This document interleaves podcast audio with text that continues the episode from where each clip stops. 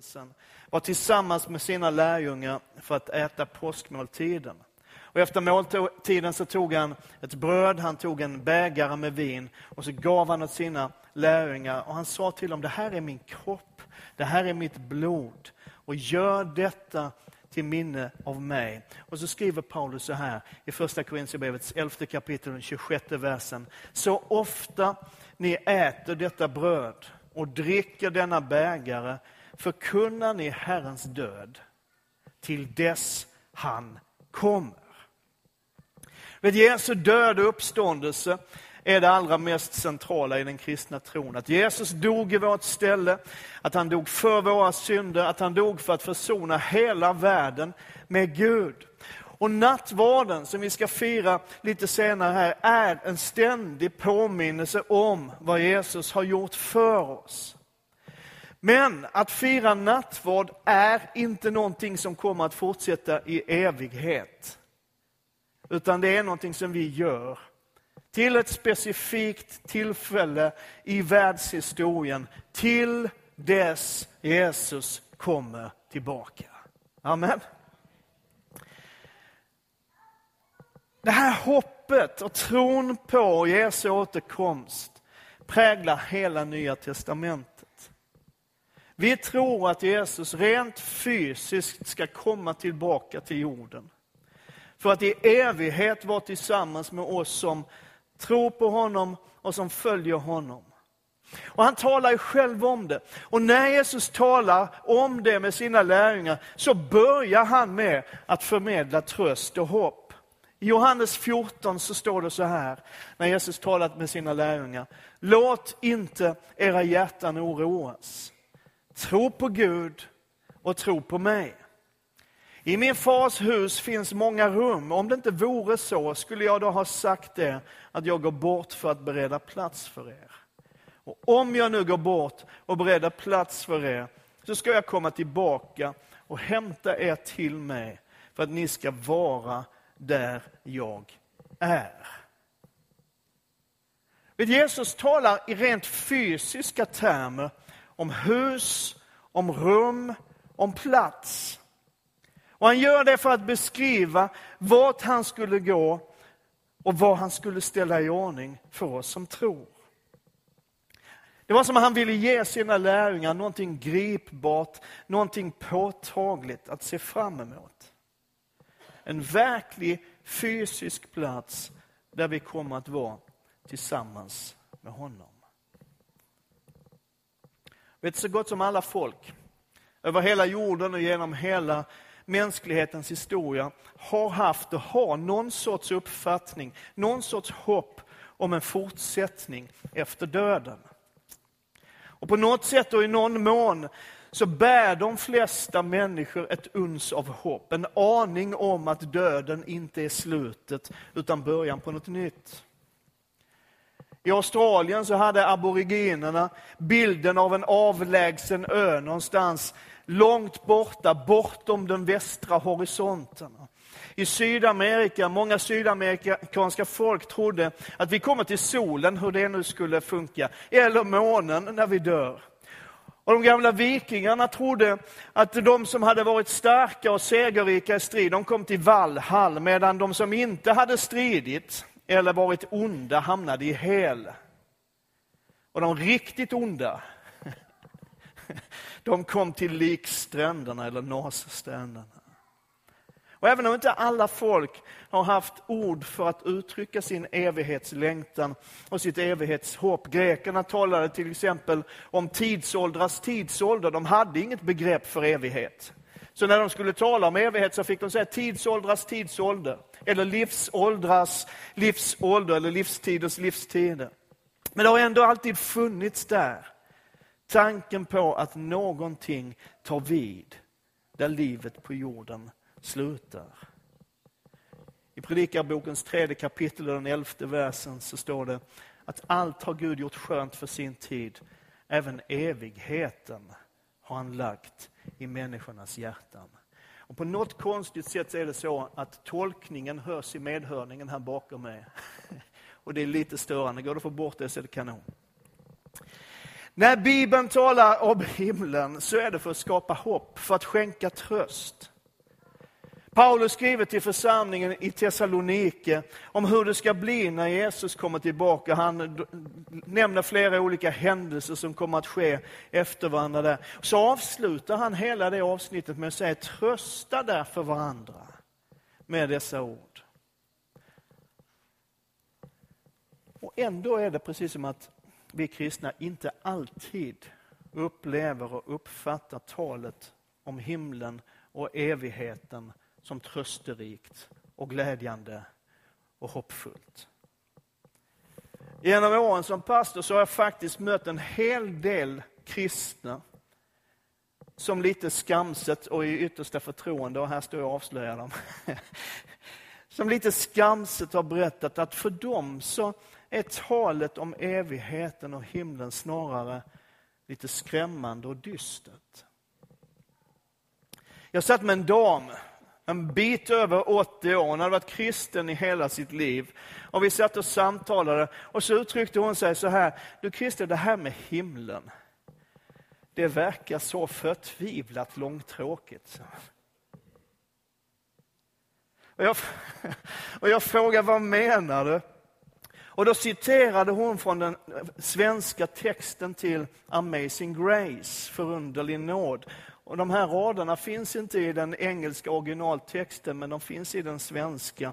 Och hon sa, du vet den sången den börjar ju med förundrad jag hör ett glädjens bud. Och sen kommer det en bit in i sången. Och när i mångtusen år vi där har sjungit den nya sång, då blott en liten stund för oss har svunnit hän av evigheten lång.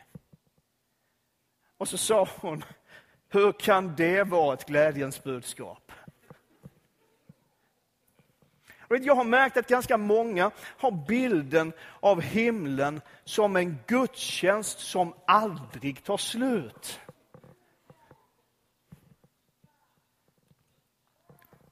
Och med tanke på att de allra flesta av oss börjar skruva lite grann besvärat på oss när det har gått en och en halv timme, så kan man fundera på när i mångtusen år vi där har sjungit en nya sång.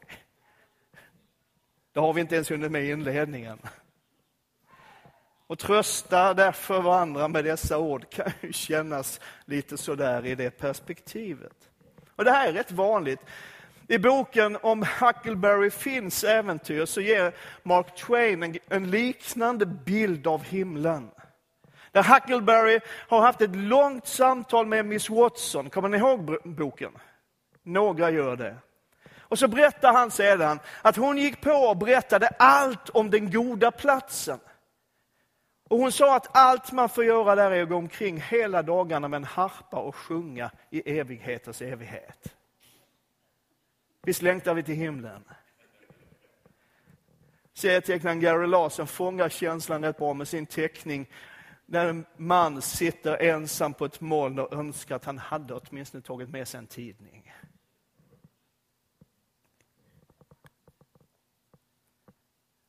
För andra så är talet om den yttersta tiden och Jesu återkomst och allt det som ska ske allra mest skrämmande.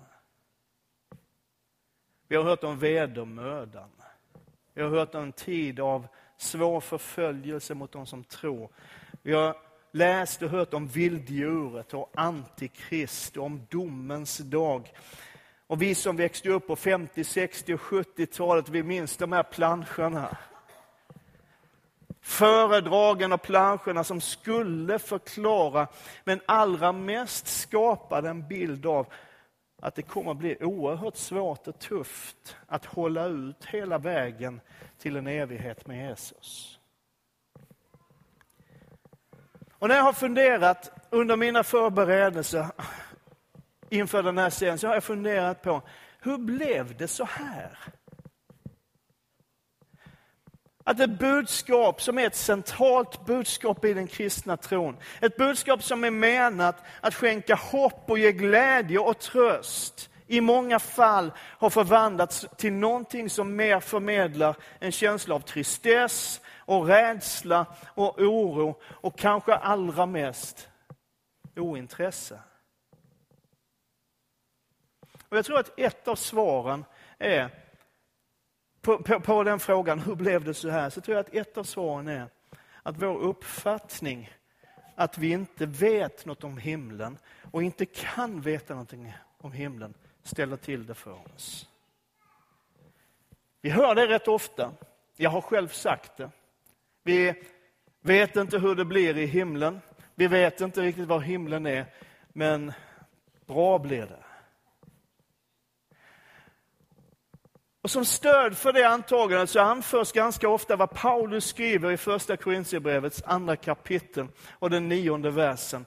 Det står så här, men som skriften säger, vad ögat inte sett och örat inte hört och människans hjärta inte anat, det har Gud berett åt dem som älskar honom.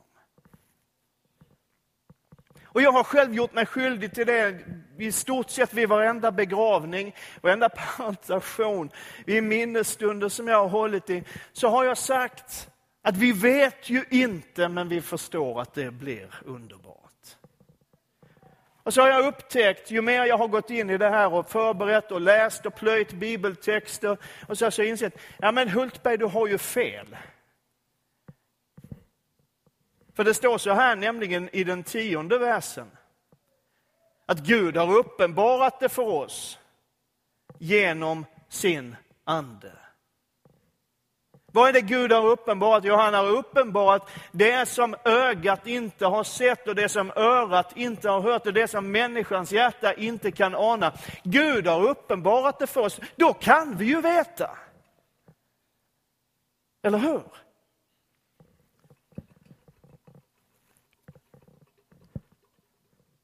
Det är ingen som har sett det, det är ingen som har upplevt det än. Och i det naturliga så kan vi inte ens ana det, men Gud har uppenbarat det för oss. Genom sin ande, genom sitt ord. Och vi kommer att se mer detaljerat längre fram i den här serien på vad, vad himlen egentligen innehåller och, och hur det ska bli. Men idag skulle jag bara vilja stanna en stund inför, vad är det Gud har uppenbarat för oss om himlen. Och för att förstå det så behöver vi gå tillbaka hela vägen ända till skapelsen. Vad var det Gud skapade? Han skapade en perfekt värld. Varje dag som Gud hade skapat någonting så såg han på det och så konstaterar han, det här är bra. Och så skapade han människan. Och så såg han på Adam och så sa han, det här blev inte bra. Här behövs en hjälp. Honom lik. En jämlike. Och sen när Gud hade skapat människan som helhet, man och kvinna, då såg han på vad han hade skapat och sa, nu blev det bra. Gud skapade en perfekt värld och han skapar människan som sin egen avbild. Och det råder total harmoni, det råder total frid, det finns glädje, det finns kreativitet, det finns allt det fantastiska. Och så sker brytningen.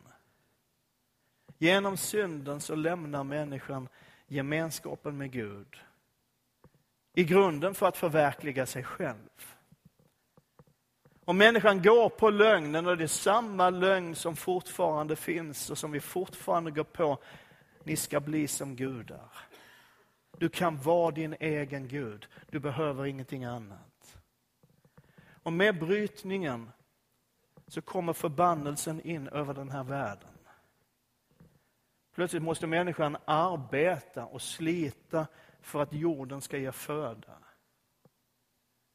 Plötsligt är det inte så lätt och så härligt och harmoniskt och glädjefyllt att vara människa. Och Bibeln fortsätter med att berätta om hur det blir värre och värre. Våld, hat, mord, omoral. Och världen förfaller, synden blir värre och värre och mörkret breder ut sig mer och mer. Och till slut finns det nästan ingenting kvar. av det som Gud hade tänkt. Och I Romarbrevets tredje kapitel så beskriver Paulus hur situationen var. Han citerar Gamla testamentet och säger, ingen rättfärdig finns, inte en enda. Ingen finns som förstår, ingen som söker Gud. Alla har avfallit, alla är fördärvade. Ingen finns som gör det goda, inte en enda. Men det är just där och då som Jesus kommer in i den här världen. När det är som allra mörkast. När ingenting egentligen längre finns kvar. När härligheten från Gud har gått förlorad. Det är då Jesus kommer in i den här världen. Och Bibeln säger att han var den första av många. Det skulle komma någonting ut ur honom, ur hans liv. Någonting nytt som börjar växa och gro i den här världen när Jesus har kommit. Och Jesus talar om riket som är inom oss. Han talar om hur våra liv, om vi tror på honom och förblir i honom, kan bära frukt. Hur det kan bli liv igen i den här världen. Och när vi sen läser berättelserna om de första kristna så ser vi genom apostlagärningarna och sedan berättelserna när Paulus berättar och skriver till de olika församlingarna, vi inser att de blir fler och fler. Och vet du, det fortsätter ju in i vår tid. Vet du att aldrig någonsin i världshistorien har så många människor dagligen kommit till tro på Jesus Kristus som sker idag. Det finns en rapport, den är från 2009, så den är några år gammal. Och grejen är att det har accelererat sedan dess. Men den rapporten som kom 2009 visar att drygt 100 000 människor tar emot Jesus i den här världen varje dag. Hur många sekunder är det på ett dygn? Men lite snabb huvudräkning nu. 86 400, det var väl lätt. Det betyder ju att 1,15 personer varje sekund, dygnet runt, kommer till tro på Jesus.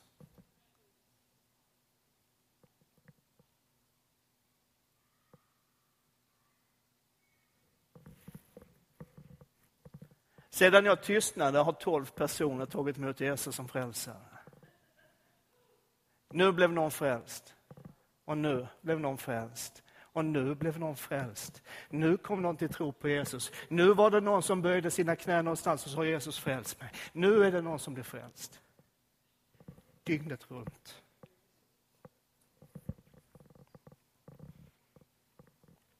Du vet, det är inte någon liten förskrämd grupp människor som ska samlas i himlen en dag.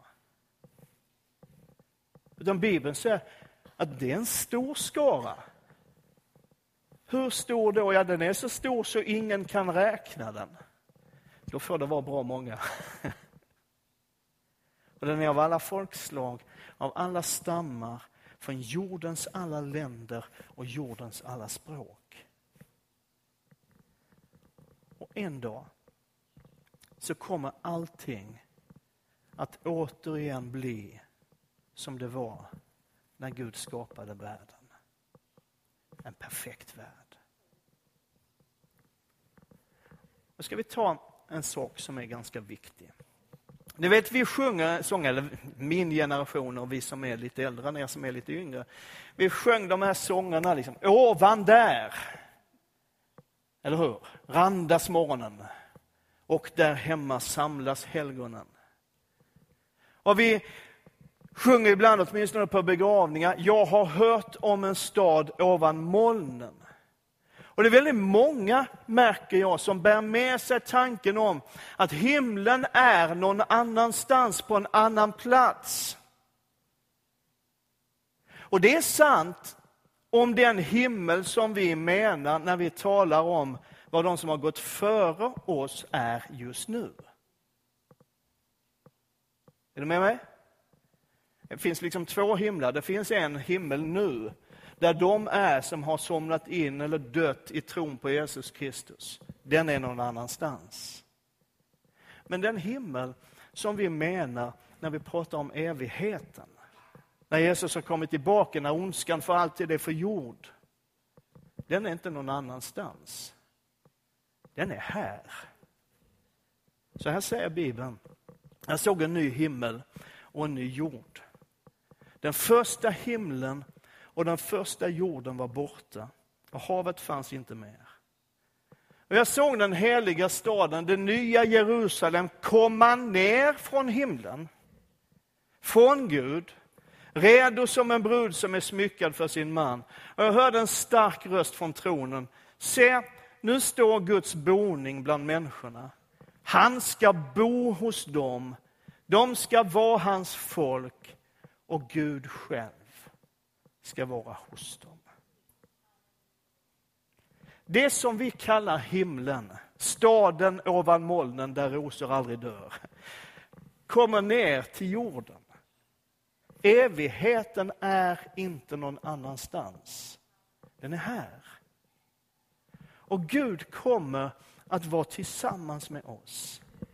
På samma sätt som han var tillsammans med människorna i skapelsens början, innan synden skilde oss åt. Men du Hultberg, det står ju att det är en ny himmel och en ny jord. Jag är glad att du tar upp frågan. För ordet som används, ny himmel, ny jord, det ordet kainos på grekiska om du vill anteckna, används alltid i betydelsen förnyad, förvandlad, återskapad. Inte i betydelsen som vi läser till exempel i, i första Moseboks första kapitel och första vers, att i begynnelsen frambringade Gud ur intet. Utan här är betydelsen återskapad, på nytt igen, förnyad, förvandlad. Och lyssna till vad Paulus skriver i Romarbrevet. Jag älskar det här. Jag läser från 1917 års översättning just nu, därför att den är lite tydligare i, i att uttrycka vad, vad, vad vi är ute efter. Också skapelsen en gång ska bli frigjord från sin träldom. Vad är det som ska bli frigjort från sin träldom? Vad är det som ska bli frigjort från sin träldom? Skapelsen, ja. Under förgängelsen och komma till den frihet som tillhör Guds barns härlighet. Vet, skapelsen, det vill säga världen, ska komma in i samma frihet och härlighet som vi som tror på Jesus. Och här är en, en poäng, och jag, jag tror det här är viktigt. När vi tänker att den här världen ska utplånas och försvinna, så blir det att vi samtidigt tänker att Gud ger upp den värld han en gång skapade. Då blir den här världen bara en parentes i världshistorien. Det blir som att Gud skulle tänka, okej okay, jag skapade det, jag hade den här tanken, men det funkade inte, det blev inget bra. Så nu tar jag de här som, som tror på mig och så drar jag dem någon annanstans. Vet du vad? Gud ger aldrig upp.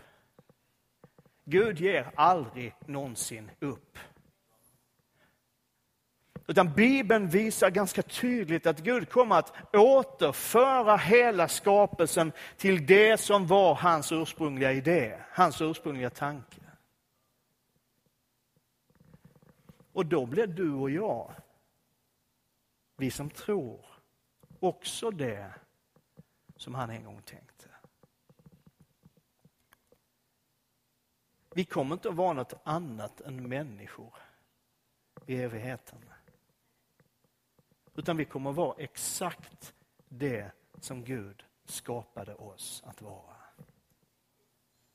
Han skapade oss till sin avbild. Och det är vad vi kommer att vara i himlen. Johannes skriver i sitt första brev, mina älskade, nu är vi Guds barn. Och än är det inte uppenbart vad vi ska bli, det vill säga vi vet inte exakt hur vi kommer att se ut, vi vet inte exakt alla funktioner och alla detaljer.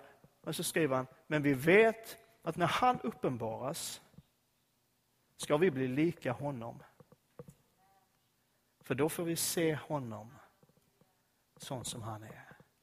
Wow. Så hur är himlen?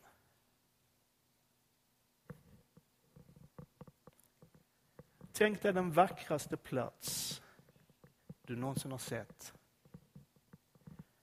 För mig är det nog, det finns många, men en av dem är just det här att se ut över bergen i Nurelia i Sri Lanka. Den vackraste plats du kan föreställa sig, dig, som du någonsin har sett. Och det här kan vara lite svårt. Tänk att du står på den platsen. Du har varit där förut. Och nu står du på samma plats. Och så vet du att nu finns ingen mer sorg.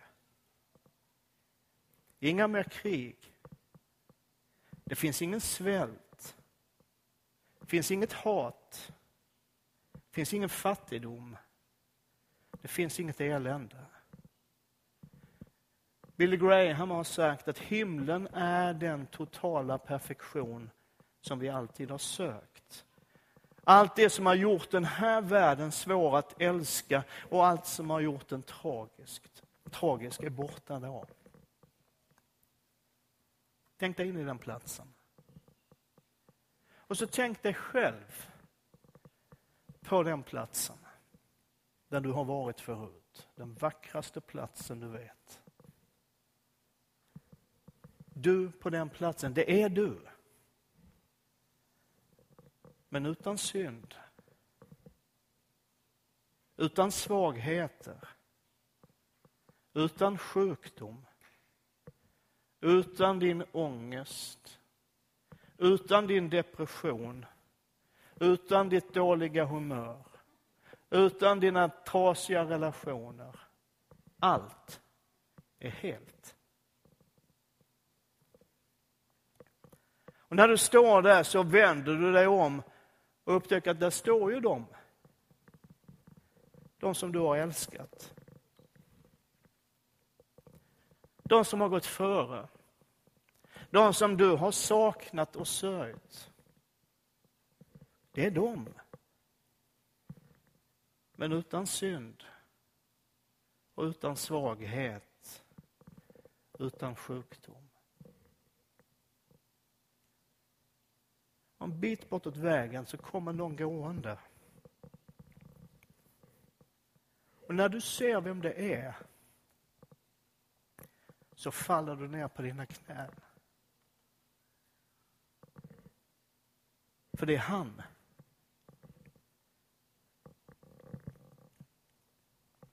Han som gav sitt liv för att du skulle få vara där.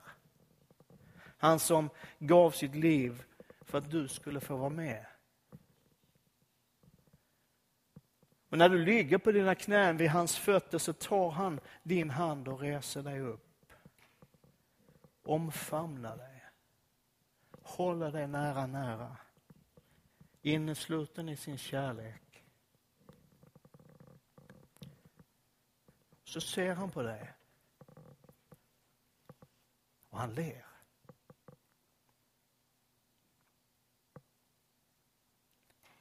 Och han säger välkommen hem. Välkommen hem.